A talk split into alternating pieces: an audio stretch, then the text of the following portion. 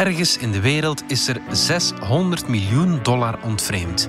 Niemand weet wie de diefstal pleegde en het geld is intussen min of meer terecht, maar dit lijkt wel de roof van de eeuw te zijn. En astronauten die moeten binnenkort misschien poedelnaakt naar de ruimte. Het is vrijdag 20 augustus. Ik ben Alexander Lippenveld en van de Standaard is dit Bits en Atomen.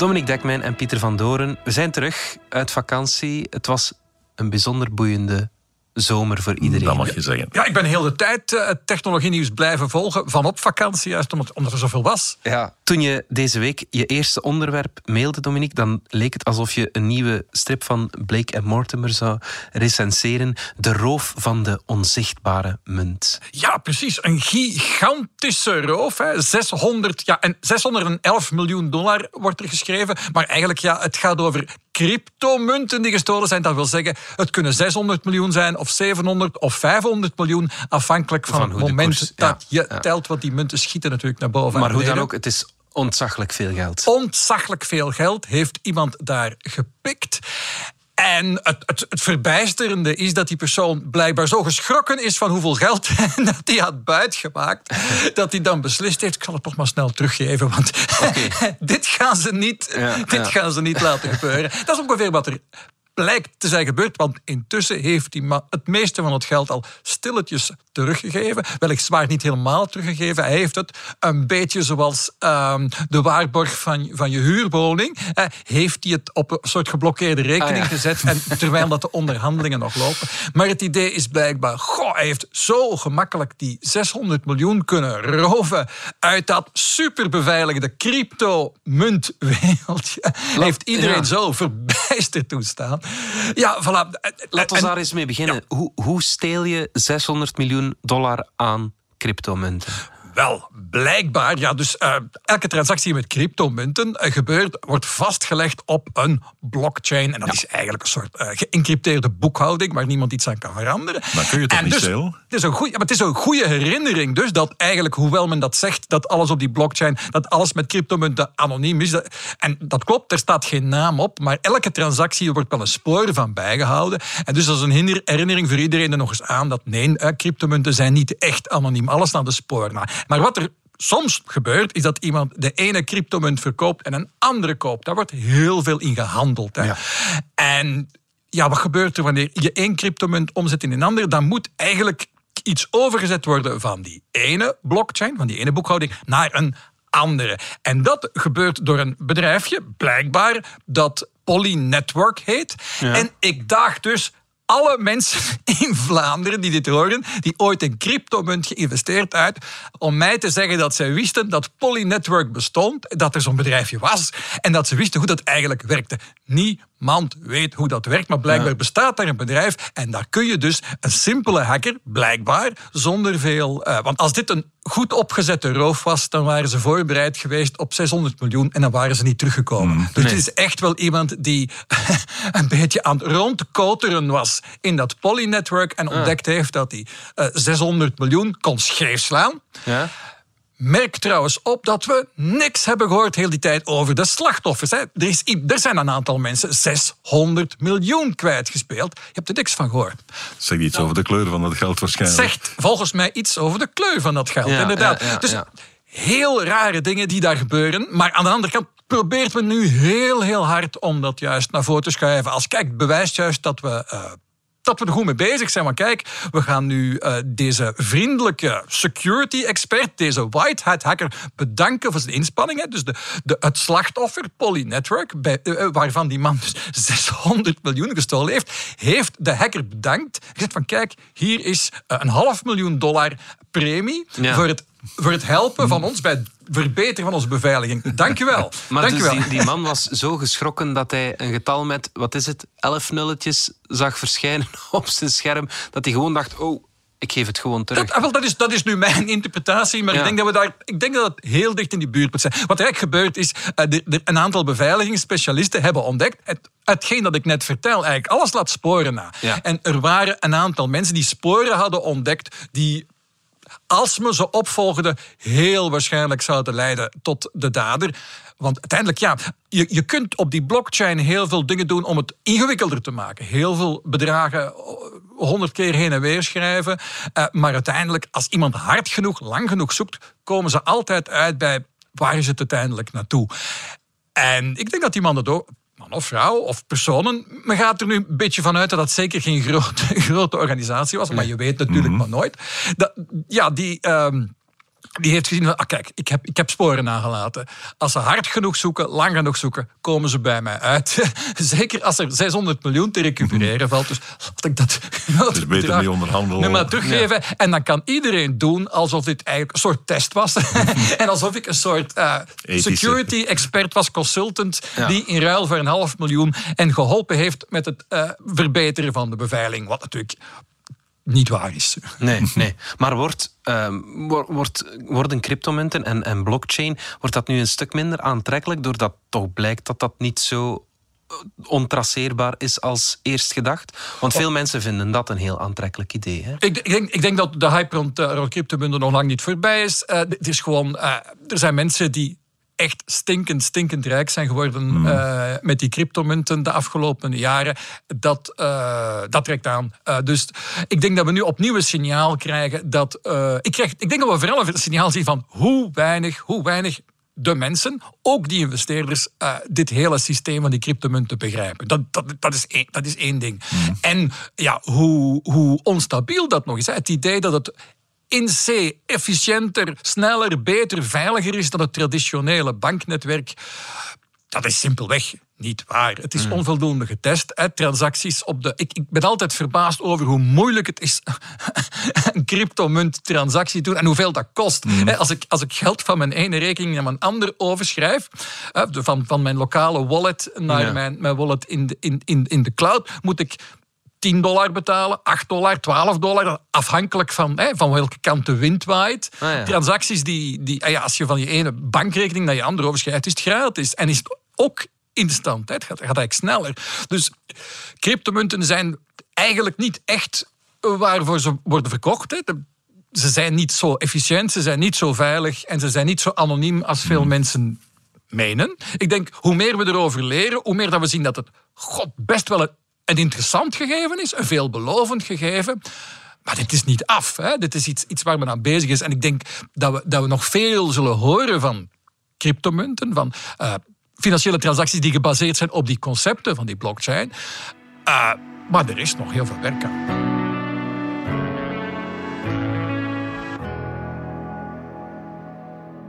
Pieter, nog een, uh, een, groep mensen die binnenkort mogelijk in hun blootje staan zijn astronauten. Inderdaad. Ja, die zouden naakt naar de ruimte moeten, moeten vliegen. Eh.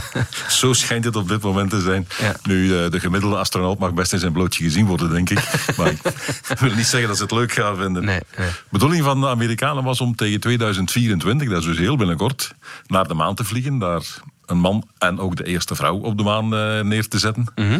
Alleen blijkt nu dat de ruimtekostuums die die gaan moeten dragen helemaal niet klaar zijn tegen 2024. Ze zijn te vroegste klaar tegen april 2025, heeft een interne audit van de NASA uitgewezen. Dus inderdaad, letterlijk, ze staan in hun blootje. En is dat dan zo uh, ingewikkeld om, om te maken, die kostuums? Uh, op de manier zoals de NASA het organiseert, blijkbaar heel wel. Hoogtechnologisch en. Hoogtechnologisch, ze zijn er 15 jaar mee bezig. In 2017 is er al eens een audit geweest. Die heeft gezegd: jongens, jullie zitten nu ondertussen aan 200 eh, miljoen dollar en jullie kunnen nog niks eh, laten zien. 200 miljoen dollar. Voor Ondertussen zijn ze aan 420 miljoen vandaag en ze kunnen nog steeds niks laten zien. Ja. En de schatting, de planning is nu al tegen dat ze iets kunnen laten zien, zal het een miljard dollar gekost hebben. het gaat over grote bedragen vandaag. Ja. Ja. Nu, dit is typisch NASA. Ja. Dat is, wordt allemaal heel gecompliceerd gedaan. Dat ding moet zowel bruikbaar zijn in het ruimtestation als bruikbaar op de maan. Ja. Nu, je kunt die twee dingen niet alle twee tegelijk in hetzelfde kostuum doen. Dat, is, Dat zijn onzin. heel andere Dat omstandigheden. zijn heel andere omstandigheden. Op de maan is het eh, aan je voorkant in de zon is het plus 120 graden. Aan je achterkant is het min 150 graden. Ah. Eh, je staat daar op ijskoude grond, dus je zolen bevriezen enzovoorts en zo verder. Die omstandigheden zijn totaal anders. En het ding moest ook nog eh, bruikbaar zijn in het ruimtestation dat ze rond de maan willen gaan bouwen. En het moest ook nog eh, bruikbaar zijn onderweg en, enzovoorts en zo verder. En dan krijg je planningen. En NASA moet die planningen dan eh, doorspelen aan god weet hoeveel eh, contractors. Want uiteindelijk, de NASA is een politieke melkkoe en niks anders. Dus elke senator wil in zijn gewest toch een bedrijfje hebben dat mag meeleveren aan. Ja. Dus dat betekent dat je gigantische planning op voorhand moet hebben, want die moeten straks allemaal die onderdelen tot op een tiende millimeter in elkaar schuiven. Ja, ja. Begint er maar aan, dat, dus, dat, dat is pure waanzin. En, en zo werkt de NASA heel vaak. Ja, Dus ja. het is niet zo verwonderlijk dat ze inderdaad eh, vandaag in een blootje staan. En wat, wat gaan ze nu doen als ze tegen 2024 naar de maan gaan zonder kostuum? Eh, ze zullen niet gaan, punt. Ze zullen niet gaan. het is kunnen- niet dat er, dat er niet. nog Ze- dingen klaar liggen van vroeger. niet. Nee, het is, het is een één grote soep. Ah. Nu, het En basis- intussen, intussen is er nog die hele zaak bezig dat Jeff Bezos, de baas van Blue Origin, een, een klacht heeft ingediend Mm. Klopt, om- ja. vanwege de raket waarmee ze naar de maan willen vliegen, omdat hij graag zelf die raket wil leveren en dit niet aan eh, zijn grote concurrent Elon Musk van SpaceX wil gunnen. eh, Dus- Twee weken of zo geleden heeft hij ongelijk gekregen, maar inderdaad heeft de zaak nog eens drie maanden eh, kunnen vertragen daardoor. Ja. En ook dat kan de zaak op de lange baan schuiven eigenlijk. Nu, de NASA weet al een tijdje dat het stinkt hoor. Het basisprobleem is, ze waren bezig, 15 jaar geleden, met plannen te maken om terug naar de maan te gaan. Alles was uitgeteld en uitgerekend 2028. En dan komt er een Donald Trump die zegt 2028, zei de zot, dat is na mijn tweede termijn. Ah, ah, ah, 2024, binnen mijn tweede termijn. Ja. Hij hoopte daarmee zijn eh, Kennedy-moment te beleven. En de NASA heeft braaf gezegd, oké, 2024. En die zijn beginnen rekenen en eh, bochten afsnijden en wringen en trekken. Maar ze halen het gewoon niet. Nee, nee. Dus ze zullen wel een manier vinden om eh, stilzwijgend dat moment te laten passeren. Ze kunnen het gewoon niet waarmaken. Het klopt ook niet met een eh, raket bijvoorbeeld. Ze vliegen naar de maan. Daar hebben ze een raket voor. Die zijn ze aan het ontwikkelen. De SSL. Peperduur, zwaar over budget, antiek, wegwerp. Ja. Dus het kost tien keer meer dan de raketten van Musk. Ja. Die herbruikbaar zijn. ja. En die zo mooi kunnen landen. Daarbovenop hebben ze een capsule gezet. Orion heet die. Dat is gewoon een opgerekte Apollo-capsule uit de jaren stilletjes. Die ze een beetje groter gemaakt hebben, maar zo ontworpen dat de windtunnelproeven uit de jaren 50 nog steeds eh, bruikbaar zijn voor deze, want ze hadden geen geld voor nieuwe. ja. Daarmee gaan ze naar de maan. Eh, oeps, we moeten nog op de maan landen zeker. Hè? Ehm, ehm, eh, Musk, heb jij niks? Ah ja. Ja, Musk had iets. Ja.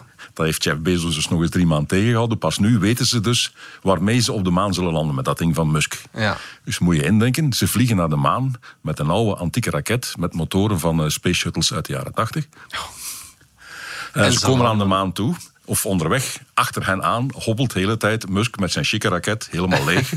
vliegt mee tot daar. Aan de maan stappen ze over in het ding van Musk. Landen ze mee, stijgen ze mee terug op. Stappen weer over in een oude capsule, tuffen terug naar de aarde en Musk rijdt daar achteraan helemaal leeg. Het zou mij nog niet verbazen mo- mocht Musk daar zelf gaan in zitten om zijn gelijk te bewijzen. Het is compleet belachelijk. Ja, ja, ja, dat heb je natuurlijk als je een overheidsbedrijf zo- zo- zo'n dingen laat doen. Maar ze doen wel nog iets goed, hè? Af en toe doet de NASA ook iets goed, dat Voilà. moeten ze ook toegeven. Ja. In de bemande ruimtevaart is het één eh, soep en die budgetten gaan telkens weer naar andere dingen die ze dringender vinden. En in de robottechnologie, daar zijn ze wel heel goed in. Mhm. Alles wat ruimtetuigen betreft, eh, die karretjes die nu op Mars eh, rondrijden en daar wonderbare dingen doen. Ja. Ze hebben een hoop planetoïden bezocht, ze zijn tot voorbij Pluto gegaan om daar foto's te nemen en dat soort dingen, daar zijn ze heel goed in. Ja. En nu bijvoorbeeld, deze week hebben ze nog aangekondigd dat eh, Bennu, in een van die asteroïden, tot 2300 niet met de aarde gaat. Dat was eentje waarvan men dacht, oh, die zit toch wel gevaarlijk, die komt af en toe aardig dicht in onze buurt. Men dacht 2135 of zoiets eh, zou het wel eens kunnen stinken. Ah, ja. Nu, ze hebben daar een eh, satelliet naartoe gestuurd, Osiris Rex. Die heeft twee jaar rond Bennu gecirkeld. Ja. heeft hij zijn baan heel nauwkeurig waargenomen. Alle omstandigheden die daar van invloed kunnen op zijn.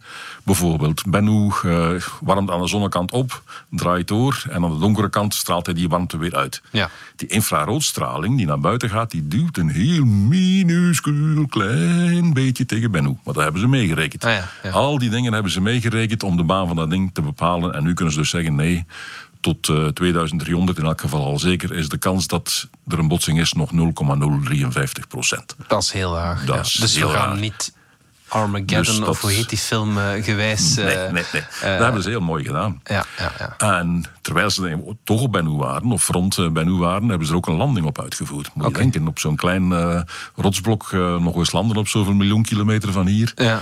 Ze hadden een terreintje ter grootte van vijf parkeerplaatsen tussen een aantal flatgebouwen in. Daar kwam het ongeveer om neer. Ja. En zijn ze netjes naar beneden gegaan. Ja. Hebben ze de grond gekust. Gekust is misschien iets te sterk. De Ja. snuit van Bennu is er een halve meter ingezakt. Ah ja. Hebben wat stof opgeblazen met stikstof. Opgevangen in een mandje. Mandje dicht. En dat mandje is nu terug onderweg naar de aarde. Ja. En in september 2023 landt het ergens boven Utah. En dan hebben we steentjes van zo'n eh, planetoïde. ja. En dat ze nog een en ander kunnen leren over de mogelijkheid van leven in het heelal. Daar zitten, weten we nu al heel veel organische koolstofverbindingen bij. Kijk, dat, dus eh, de NASA kan ook wel af en toe wel dat goed. kunnen ze dan wel goed, maar een ruimtepak in één naaien. Nee. Ah, misschien nog een kleinigheid over dat ruimtepak. Eh, stel je voor, je stijgt op van de maan en je moet terug overstappen in die Orion-capsule. Ja.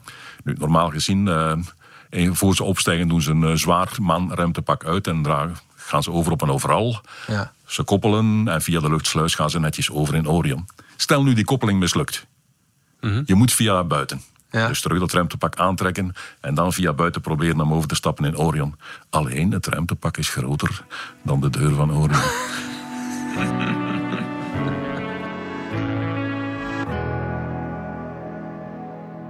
Je overweegt een elektrische of hybride wagen? Luister dan naar Plan Elektrisch Rijden. Een podcast waarin actrice en Joe DJ Elke van Mello Ik ben weg. op onderzoek gaat. We horen helemaal niks. Experts van Hedin Automotive, de grootste dealergroep van Mercedes-Benz in België, geven antwoorden op jouw maat. Strikt genomen geef je geen gas, maar stroom. Maar zeg maar gas geven. Luister naar Plan Elektrisch Rijden. Oké, helder. Merci.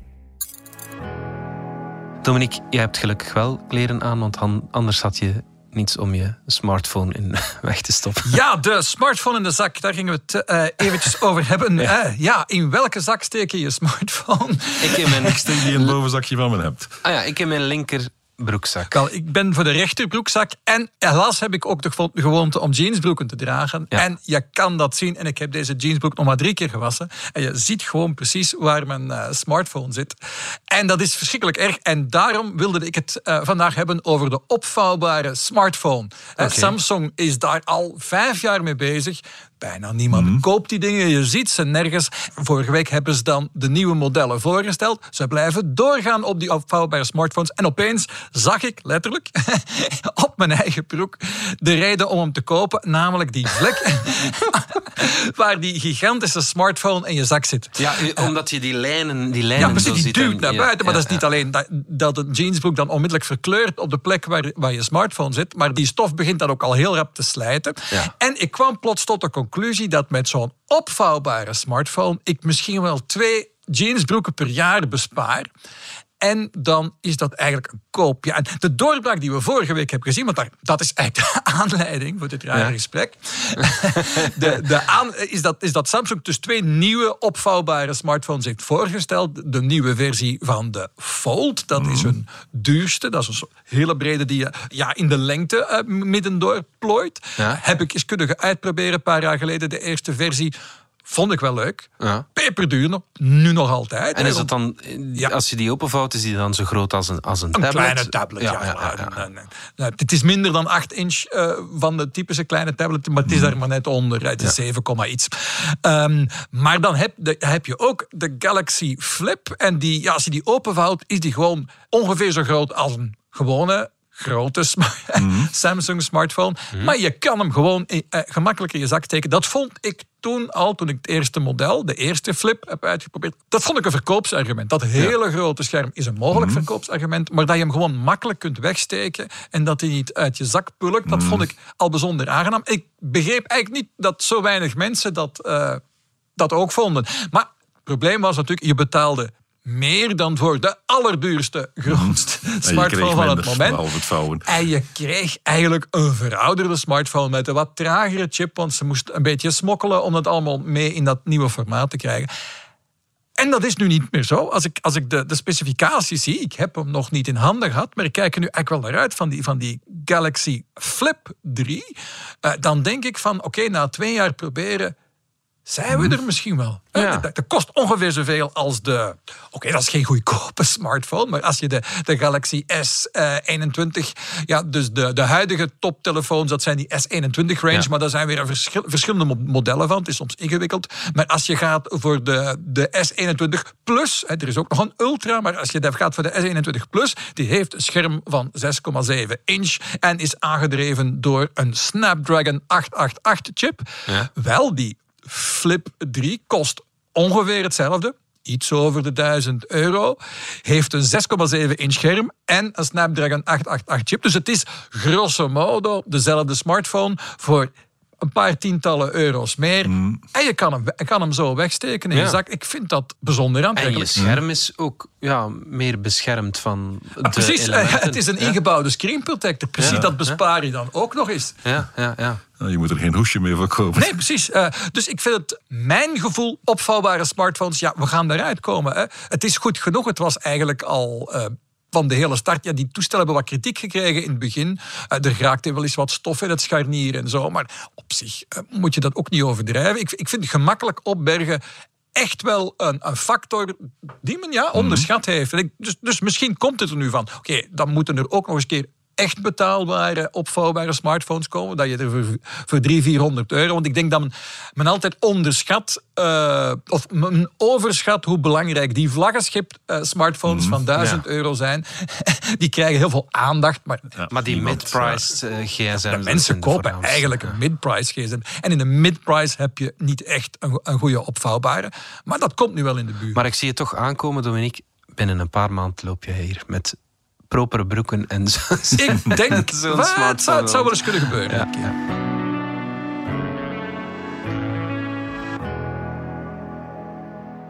Pieter, heel lang hebben we gedacht dat testosteron leidt tot haantjesgedrag. Maar dat blijkt nu toch niet altijd zo te zijn. Eh, misschien niet. In elk geval, een aantal Britse onderzoekers hebben serieuze argumenten om te zeggen: nee, nee, nee, het is eh, toch anders dan we dachten. Oké. Hebben altijd gedacht, inderdaad, eh, testosteron, het typische mannelijke hormoon, dat zorgt voor haantjesgedrag, meer risico nemen. Mensen met eh, hoog testosteron hebben sociaal-economisch ook de beste posities. Eh, Het is niet de arbeider aan de band die veel testosteron heeft, het is de baasje erboven. Ah, ja. Ehm, mensen met hoge testosteron zijn ook gezonder, stellen we vast. En we hebben altijd gedacht, ja, tuurlijk, testosteron is daar zijn oorzaak van. Alleen, we zien alleen een verband tussen de twee. De oorzaak zou ook net andersom kunnen zijn. Ah ja. ja. Dat je hebt hoe, meest, eh, meer testosteron omdat je... Omdat je succesvol bent. Ja. En daar zijn aanwijzingen voor. Men heeft bijvoorbeeld eh, bij sporters testosteron gemeten meteen na de meet. Ja. Wie won, had een hogere testosteron dan voordien. Ja. Wie verloor, had een lagere testosteron dan bij de start. Oké. Dus daar is de oorzakelijkheid net andersom. Het is het winnen dat voor hoge testosteron zorgt. Niet hoge testosteron die voor het winnen zorgt. Ah ja, oké. Zoals dat bij, bij, bij endorfines en, en zo eh, Ja. ook het geval is. Ja. Dus het zou een soort ja, gelukshormoon kunnen zijn. ja. Er zijn ook zo dingen. eh, stress, weten we, verlaagt testosteron. Ja. Nu, dat zou kunnen betekenen dat de mensen op de hoogste sociaal-economische posities de minste stress hebben en daardoor hoge testosteron. Ja. En niet andersom. Ja. Dus de oorzakelijkheid zou ook in de andere richting kunnen zijn. Dat wisten we al. Ja. En nu is de vraag, ja, eh, wat is het nu? Ja.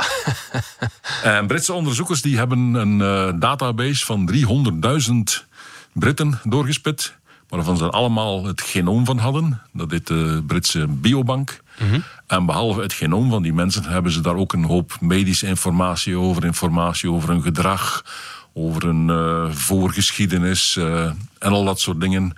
Ja. Dus ze kunnen het genoom, de genen koppelen aan de effecten bij die mensen. Ja, ja, ja oké. Ze hebben die allemaal bekeken. En ze zijn gaan zoeken naar eh, stukken in de genen die zorgen voor hoog testosteron. In je genen zitten een aantal plaatsen die gekoppeld zijn aan hoog testosteron, dat weten we. Mhm. Dat zijn dingen die je van je geboorte mee hebt, die veranderen niet. Dus bij je geboorte wordt al een standaard niveau van testosteron Ah, ja. van jou bepaald. En dat zit in je genen, dus dat kunnen ze lezen. Ja, oké. Hebben ze gedaan. En dan zijn ze gaan kijken, zijn er verbanden?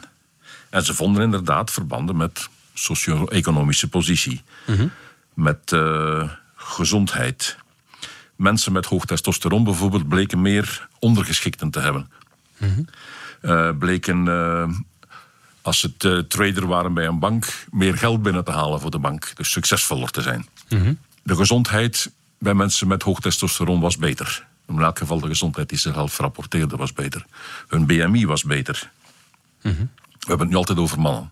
Bij vrouwen is het net andersom. Eh, Vrouwen met te veel testosteron die zijn niet gezond. Vrouwen moeten vrouwelijke hormonen in eerste instantie hebben. Dus vrouwen met te hoog testosteron die hebben problemen. Mannen met hoog testosteron blijken ook uit deze verbanden beter af te zijn. Ja. Alleen toen ze dan gingen kijken, is er een noodzakelijk verband? Ja, dan nee, dan bleek dat het verband helemaal niet oorzakelijk was. Het was niet omdat ze hoge testosteron hadden in hun genen dat ze goed scoorden, maar het waren wel de mensen die goed scoorden die op het moment van de meting hoge testosteron hadden. Dus er is een redelijke kans dat het eigenlijk eerder andersom is. Ja. Dat testosteron wel iets doet. Ja. Het zorgt voor haantjesgedrag, het zorgt voor verschil tussen jongens en meisjes. Maar het is zeker niet eh, de enige reden waarom eh, mannen met hoog testosteron succesvol zijn.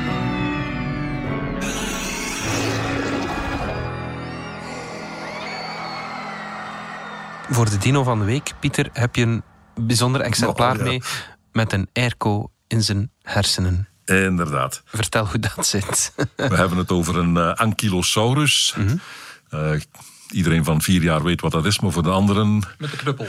Ja, dat is die met een eh, dikke knots aan zijn staart. Zo een, ja. eh, Ja. een been met een knuppel waarmee je iedereen van het eh, veld kan vegen. Ja, Ziet er een beetje uit zoals een Humvee.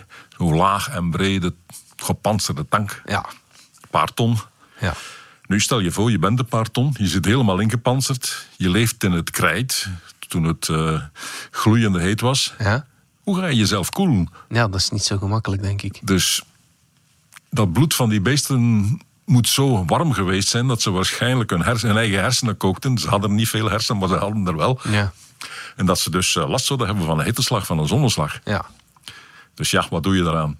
Eh, er zijn er geen meer vandaag. Je kunt niet gaan kijken wat ze deden. Nu, aan de Universiteit van Ohio zijn er een paar eh kerels die hebben schedels van zo'n ankylosaurussen onder de, de scanner gelegd, onder een CAT-scanner, gewoon in het, het universitair ziekenhuis. En is gekeken wat daar binnenin zat. En dan bleek dat niet zoals bij ons eh, het kanaal van de neus naar de longen gewoon recht door je hoofd naar beneden naar je longen gaat. Maar dat het een heel ingewikkeld kluwen was dat door heel de schedel doorheen ging. Ja, ja.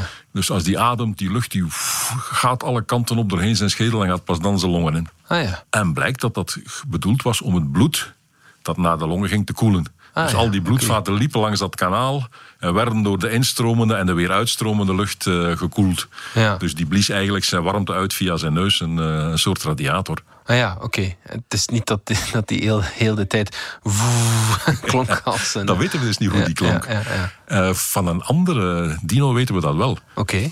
Er is de Parasaurolophus. Mhm. Een ding met een eh, soort lange toeter op zijn kop. Precies wat hij een eh, trombone heeft, eh, die vanuit zijn kop vertrekt en eind achter hem uitsteekt zo. Ja. Men heeft lang gedacht, ja, dat moet ergens een eh, seksueel signaal zijn van kijk eens, ik heb de grootste. Ja. Maar dat bleek dus niet zo te zijn. Toen ze die schedel analyseerden, dan bleken daar luchtkanalen in te lopen helemaal tot het einde. En van het einde weer terug naar voren, naar de neus. Zoals een trombone. Oké, ja. En hoe denk je dat het klinkt? We gaan eens luisteren.